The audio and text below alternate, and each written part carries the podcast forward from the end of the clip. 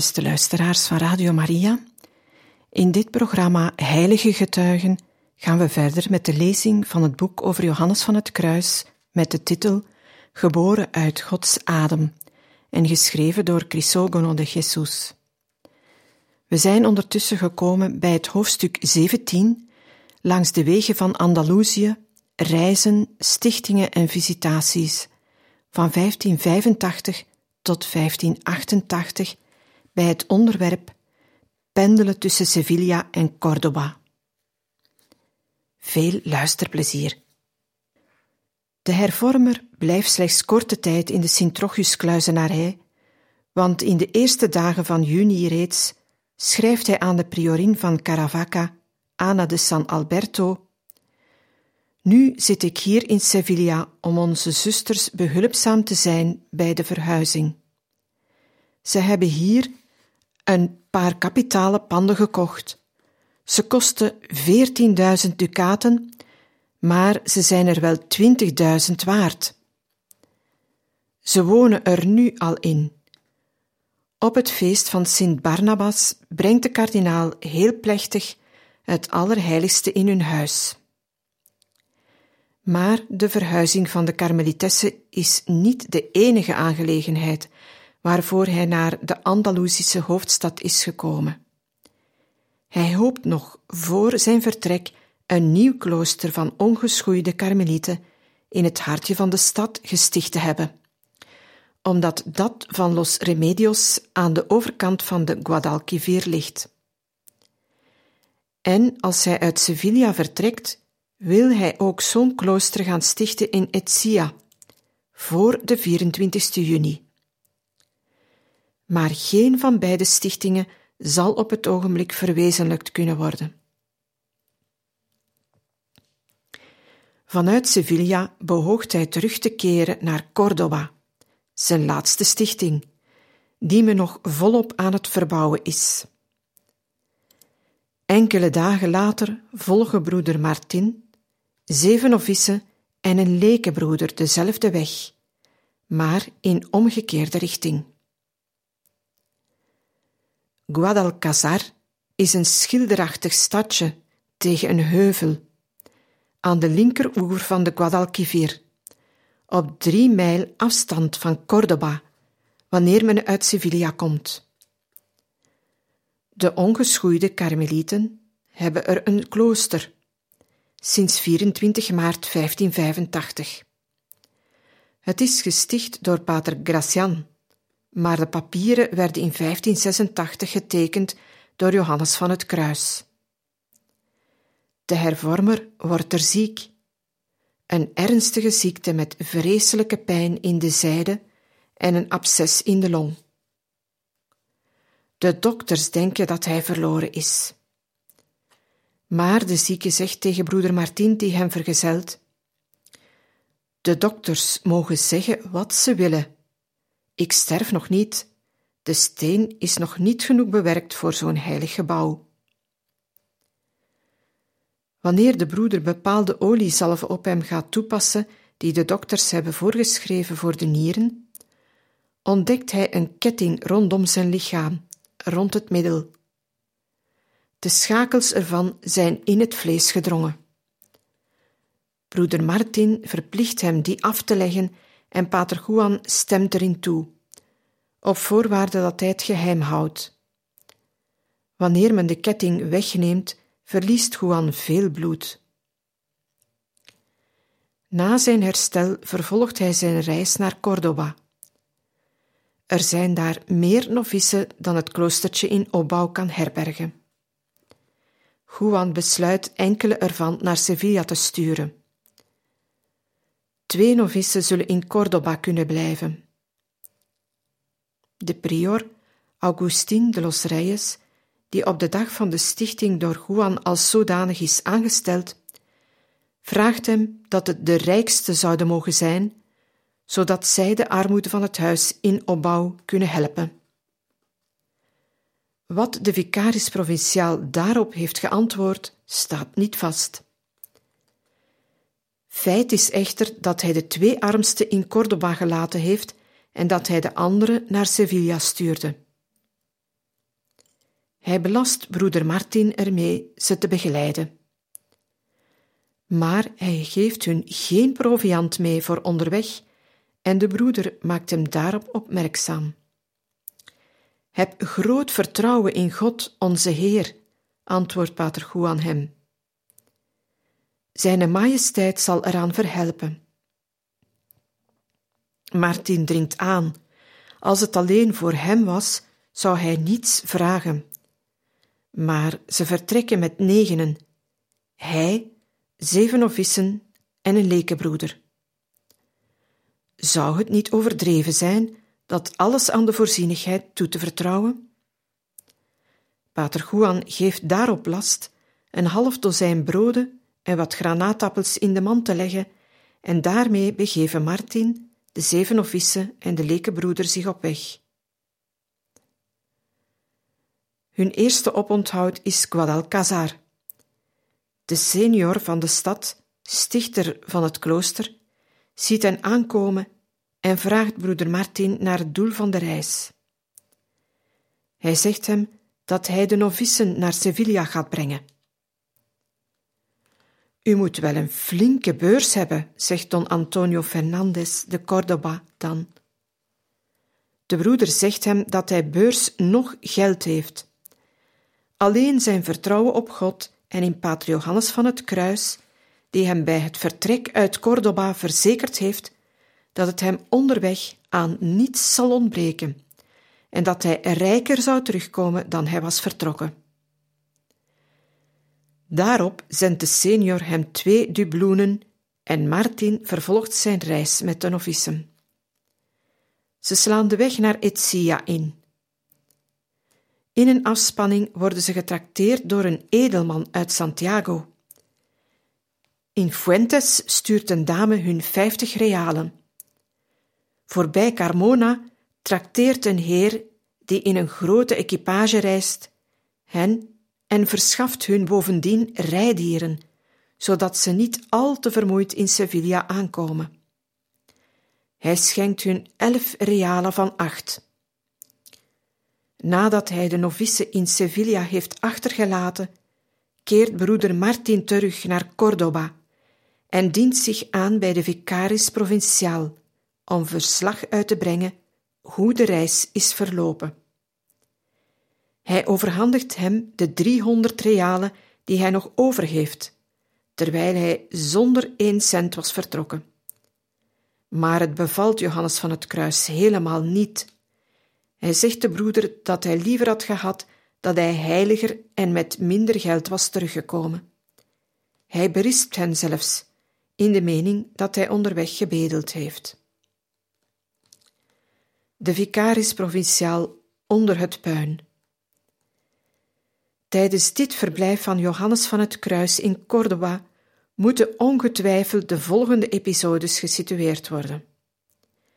De arbeiders die aan het klooster werken, willen een muur neerhalen die de uitbreiding van de kerk belet. Ze hebben de fundamenten ondermijnd. Nadat zij koorden aan de muur hebben bevestigd, willen ze de muur in zijn geheel naar één kant laten vallen. Maar hij helt naar de andere kant over en stort neer op een van de vertrekken die hij bedelft. Pater Johannes van het Kruis bevindt zich in dat vertrek. Kloosterlingen en arbeiders hollen in de mening dat hij dood is, verschrikt toe om hem onder het puin uit te halen. Wanneer ze door stenen en aarde weg te ruimen zo ver zijn dat ze het vertrek kunnen blootleggen, vinden ze Juan, die in een hoek gedoken zit, te lachen. Hij zegt dat hij geweldig veel bijstand gehad heeft, omdat de heilige maagd hem met de witte mantel heeft begunstigd. Een andere keer viert men in de kapel een godsdienstig feest. Een van de paters spreekt en beklemtoont daarbij de erkentelijkheid die de Karmelietenhervorming heeft voor haar weldoeners en hoe men voor hen bidt. Al heeft men hun slechts een potje olijven geschonken. Dit wordt de communiteit medegedeeld, opdat deze bidt voor de schenker. De vicaris provinciaal is erbij aanwezig. Het lijkt hem dat dit erop neerkomt dat men de gelovigen zegt hun aalmoezen te geven. S'avonds berispt hij de predikant. Dat is niets voor de kansel, zegt hij. Van daarop moeten woorden klinken die gloeien van liefde voor God.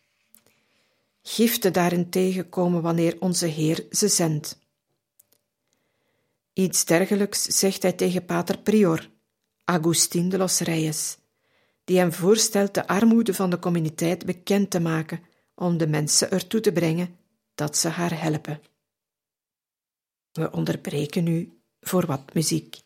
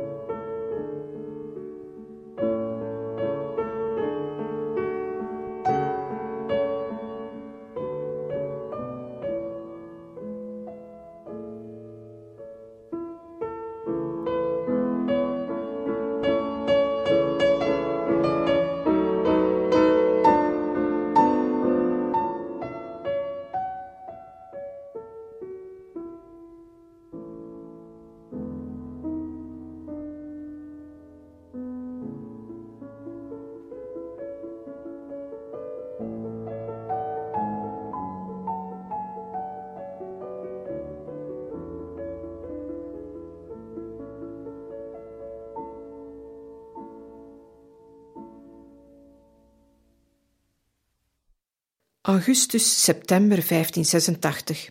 De definitors vergaderen te Madrid. Pater Juan moet, als hij uit Córdoba vertrekt, een nieuwe reis ondernemen, langer dan de tochten die vereist zijn voor de visitatie van de kloosters van Andalusië. Hij is door Pater Doria opgeroepen voor een vergadering van de definitors die op 13 augustus in Madrid moet beginnen.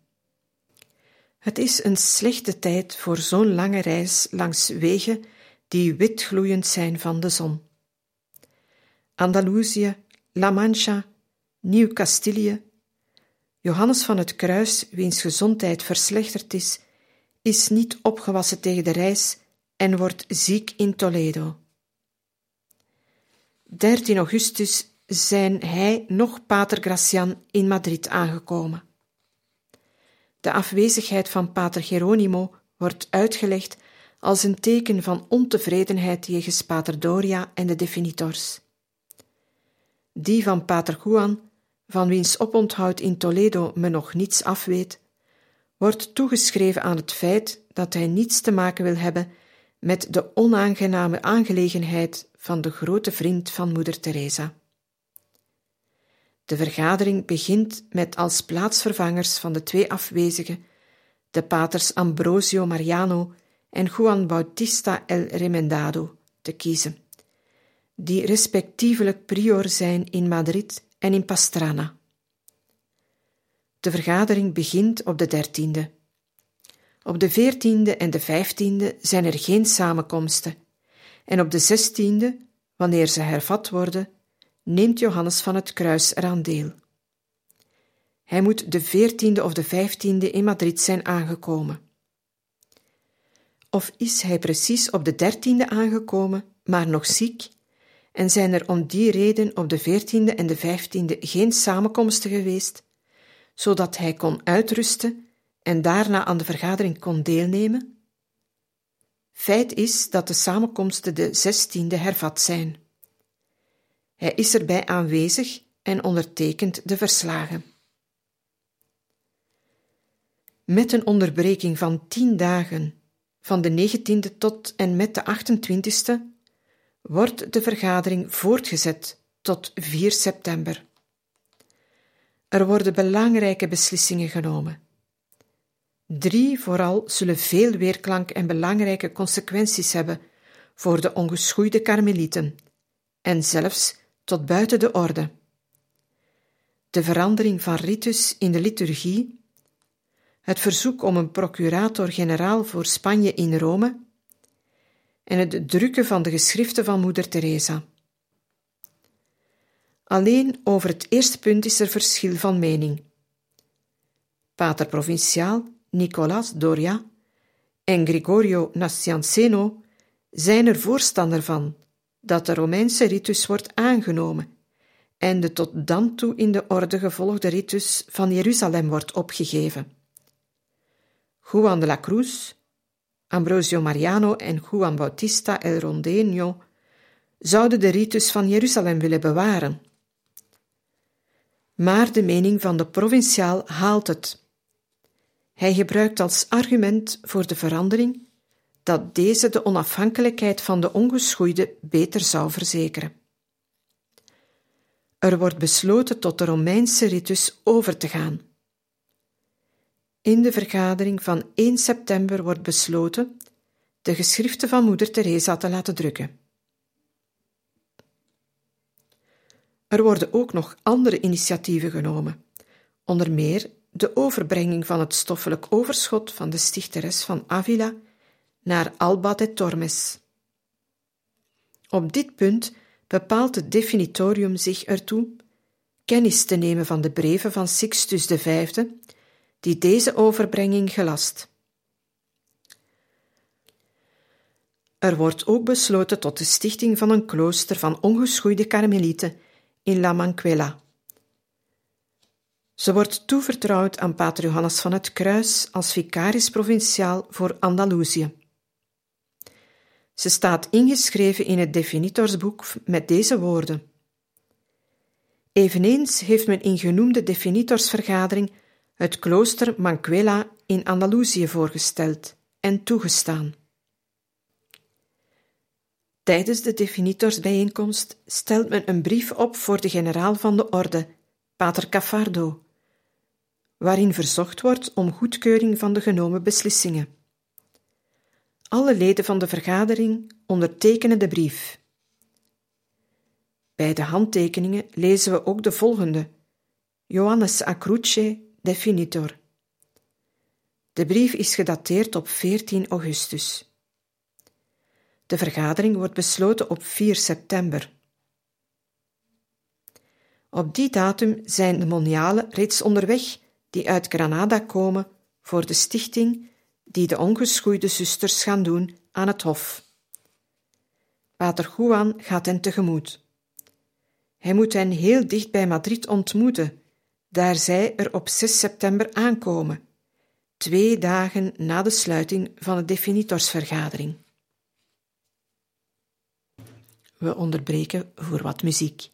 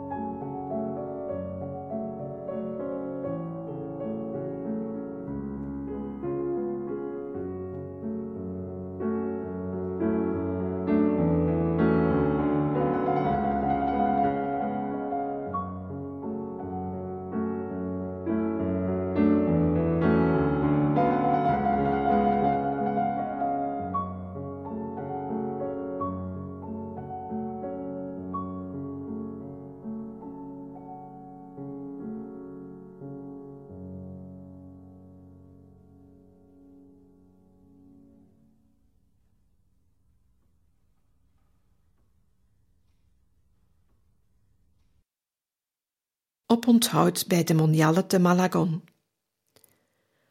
Op terugweg naar Andalusië stopt Johannes van het Kruis in Malagon.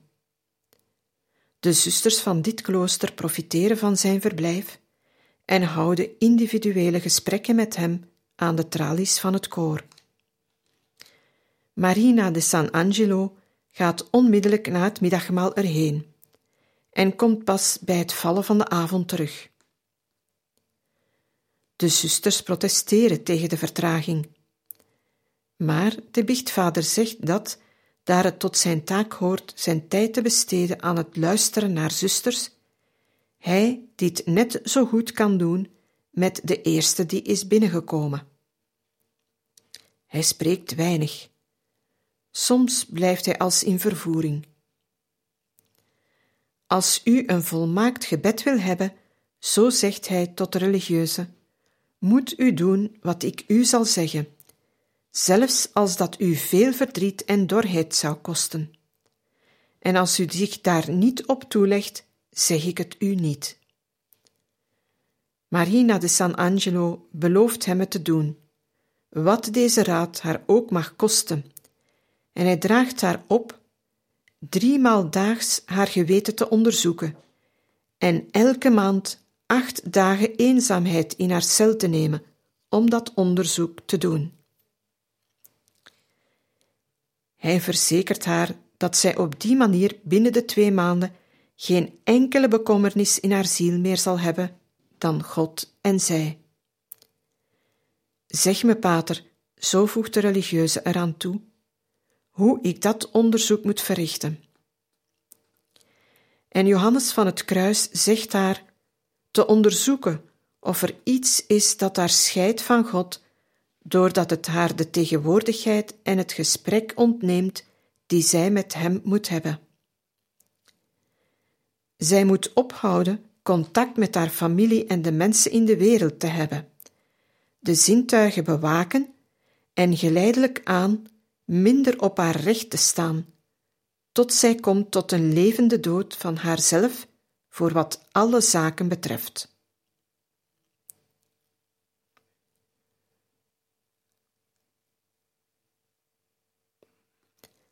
Het onbevlekte ontvangenisklooster van La Manchuela. Verkiezingen te Granada. De definitorsvergadering heeft pater Juan de la Cruz belast met de stichting van een klooster in La Manchuela. In die stad aangekomen, tekent hij de papieren samen met de aartsdiaken Don Juan Ocon, ten overstaan van Diego de Aranda, griffier.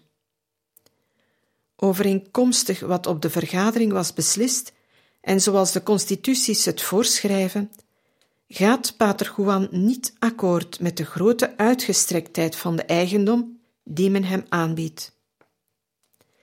Hij neemt genoegen met enkele olijfgaarden vlak bij het toekomstige klooster. Op 12 oktober plaatst men het Allerheiligste in het nieuwe huis. Het gaat gepaard met dansen, muziek en versiering.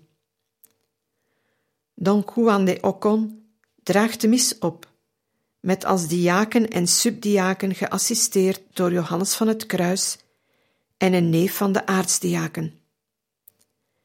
Predikant is pater Agustín de los Reyes, prior van Córdoba. De hervormer benoemt tot overste van het nieuwe huis pater Eliseo de los Martires uit Baeza. De heilige komt veelvuldig op bezoek in het klooster van La Manchuela, dat door hem gesticht is met de naam Onbevlekte Ontvangenis. Er bestaat heel veel informatie over zijn verblijf in dit klooster. Zijn metgezel Juan Evangelista, voorlopig als communiteitslid hier achterlatend, vertrekt hij naar Granada, waar hij voorzitter zal zijn bij de verkiezing van de priorin. Deze taak is vakant geworden door de overplaatsing van Ana de Jesus naar de stichting in Madrid. Gekozen wordt Maria del Cristo, die in Malaga is, waar Juan haar zelf heeft heengebracht toen men dit klooster stichtte. De hervormer gaat erheen, misschien om de nieuwe priorin te halen. Hij is op 23 november in Malaga. Maar de monialen vragen Pater Juan met aandrang de in Granada gebeurde verkiezingen te annuleren, want zij willen Maria del Cristo niet afstaan. Hij komt aan hun wens tegemoet en gaat onmiddellijk terug naar Granada om de verkiezing op 28 november opnieuw te beginnen. Een van de stichteressen, Beatrice de San Miguel, wordt gekozen en Juan schrijft de verkiezingsakte eigenhandig in het kloosterboek. Op 28 november 1586 heeft men een priorin, een subpriorin en sleutelbewaarsters gekozen in dit Sint-Josefsklooster te Granada, waarbij ik, Johannes van het Kruis, als vicaris van de provinciaal aanwezig was. En in waarheid heb ik met mijn naam ondertekend. Fray Juan de la Cruz, vicaris provinciaal.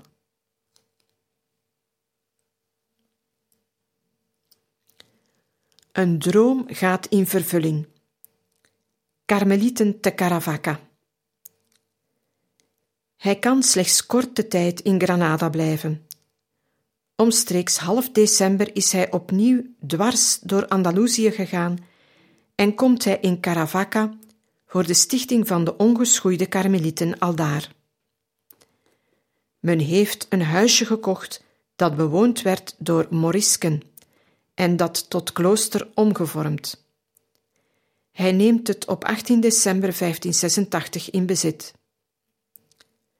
Zo gaat een droom van de ongeschoeide karmelitessen in vervulling, en vooral dan van moeder Priorin Ana de San Alberto.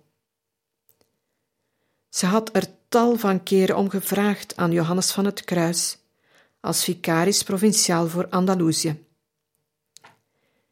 Bij een gelegenheid toen Ana de San Alberto hem lastig viel met de vraag om een stichting van ongeschoeide karmelieten, had hij haar beloofd het bij God aan te bevelen, terwijl hij de monialen tegelijk opdroeg dat eveneens te doen. De hervormer begint dan de mis te lezen die alle monialen bijwonen. Als Juan aan het altaar staat, bemerkt moeder Anna een mysterievolle glans die vanuit het tabernakel komt en de celebrant geheel omhult. Het licht wordt intenser naarmate het heilig misoffer vordert. Op het ogenblik van de communie bemerkt de priorin dat het gezicht van de celebrant straalt en dat er zeer heldere tranen uit zijn ogen komen. Na afloop van de mis, die langer geduurd heeft dan gewoonlijk, gaat Anna de San Alberto naar de biechtstoel van de sacristie, ziet de pater daar reeds in de stoel zitten en vraagt hem: Wat is er gebeurd dat de mis zo lang geduurd heeft? Hoe lang zou ik opgehouden hebben? vraagt de hervormer op zijn beurt. Om de goederen van de hemel te genieten is zelfs een lange tijd kort, antwoordt Ana de San Alberto, en ze smeekt hem te zeggen wat er gebeurd is. Mijn dochter, vertrouwt de pater haar in alle eenvoud toe. Onze Heer heeft me gezegd: zeg tegen de priorin dat zij ervoor zorgt dat men hier een klooster voor mannelijke religieuzen klaarmaakt. Ik wil me veel van haar bedienen maar ik zal haar helpen. Doe dus van uw kant wat u kunt, mijn dochter. Onze Heer zal u niet ontbreken. Hij geeft haar de raad zich de toestemming van de raad en het akkoord van de stad te verzekeren. Op deze 18 december 1586 ging het verlangen van de monialen in vervulling, alsmede de openbaring die Juan gegeven werd in deze mis van glans en zeer heldere tranen. We onderbreken nu voor wat muziek.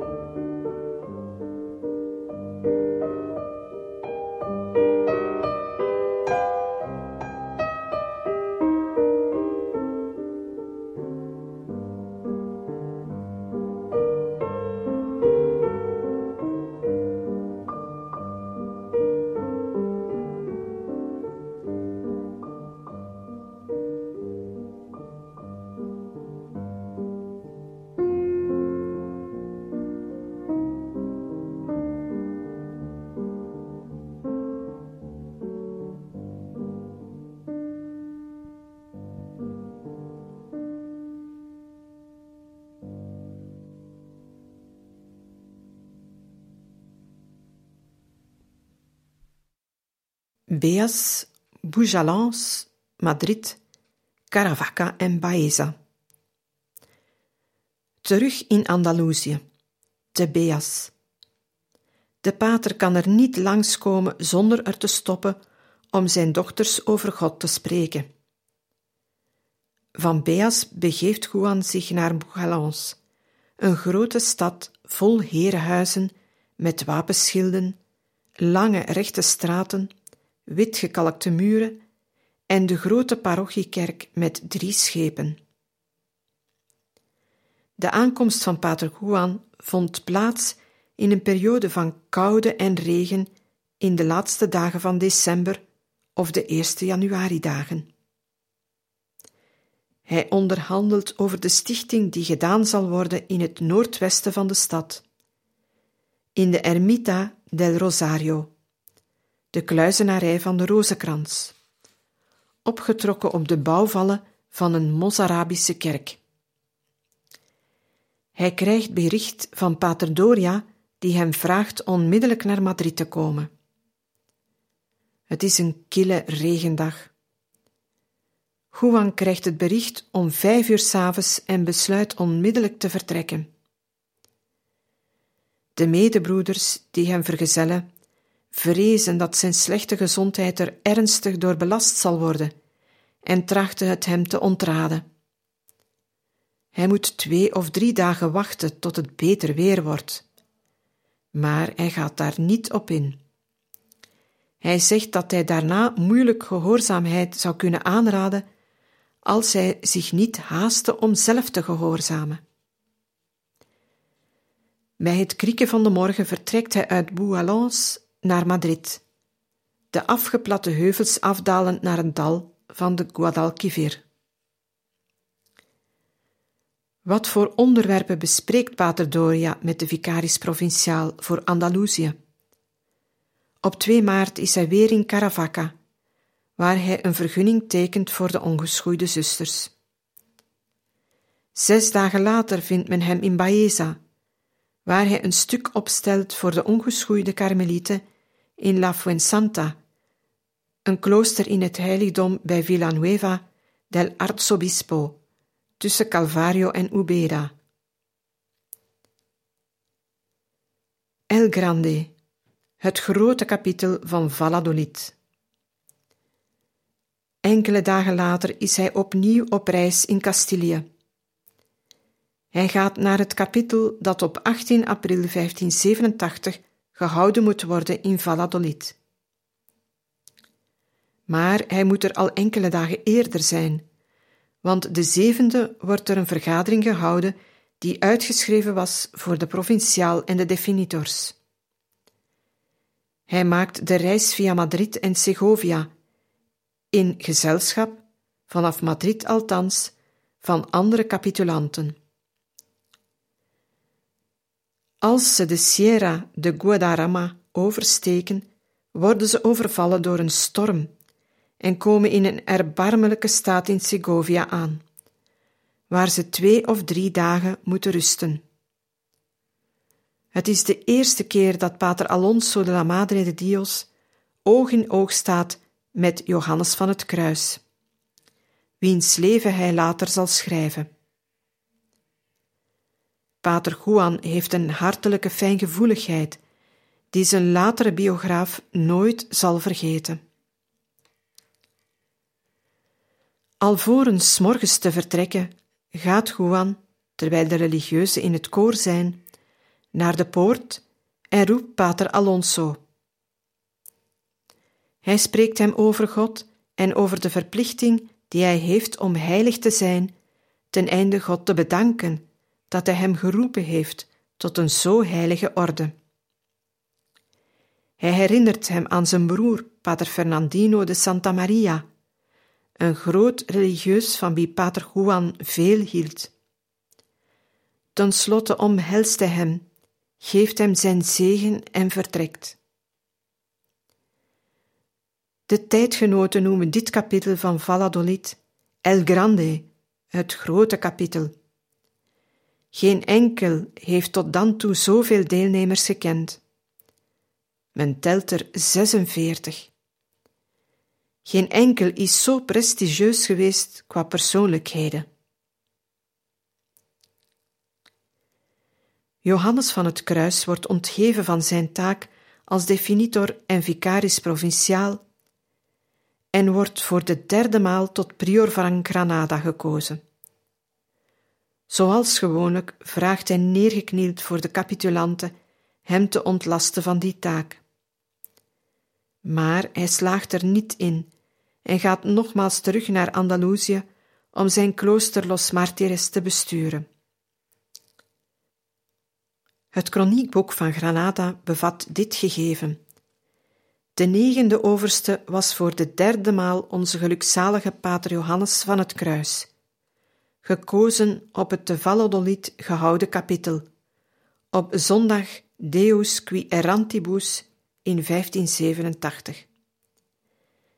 Hij was erheen gegaan als vicaris provinciaal van deze provincie Andalusië. Onze gelukzalige pater bestuurde dit huis ditmaal slechts één jaar. In dat jaar liet hij de muren van de kloostergang bouwen.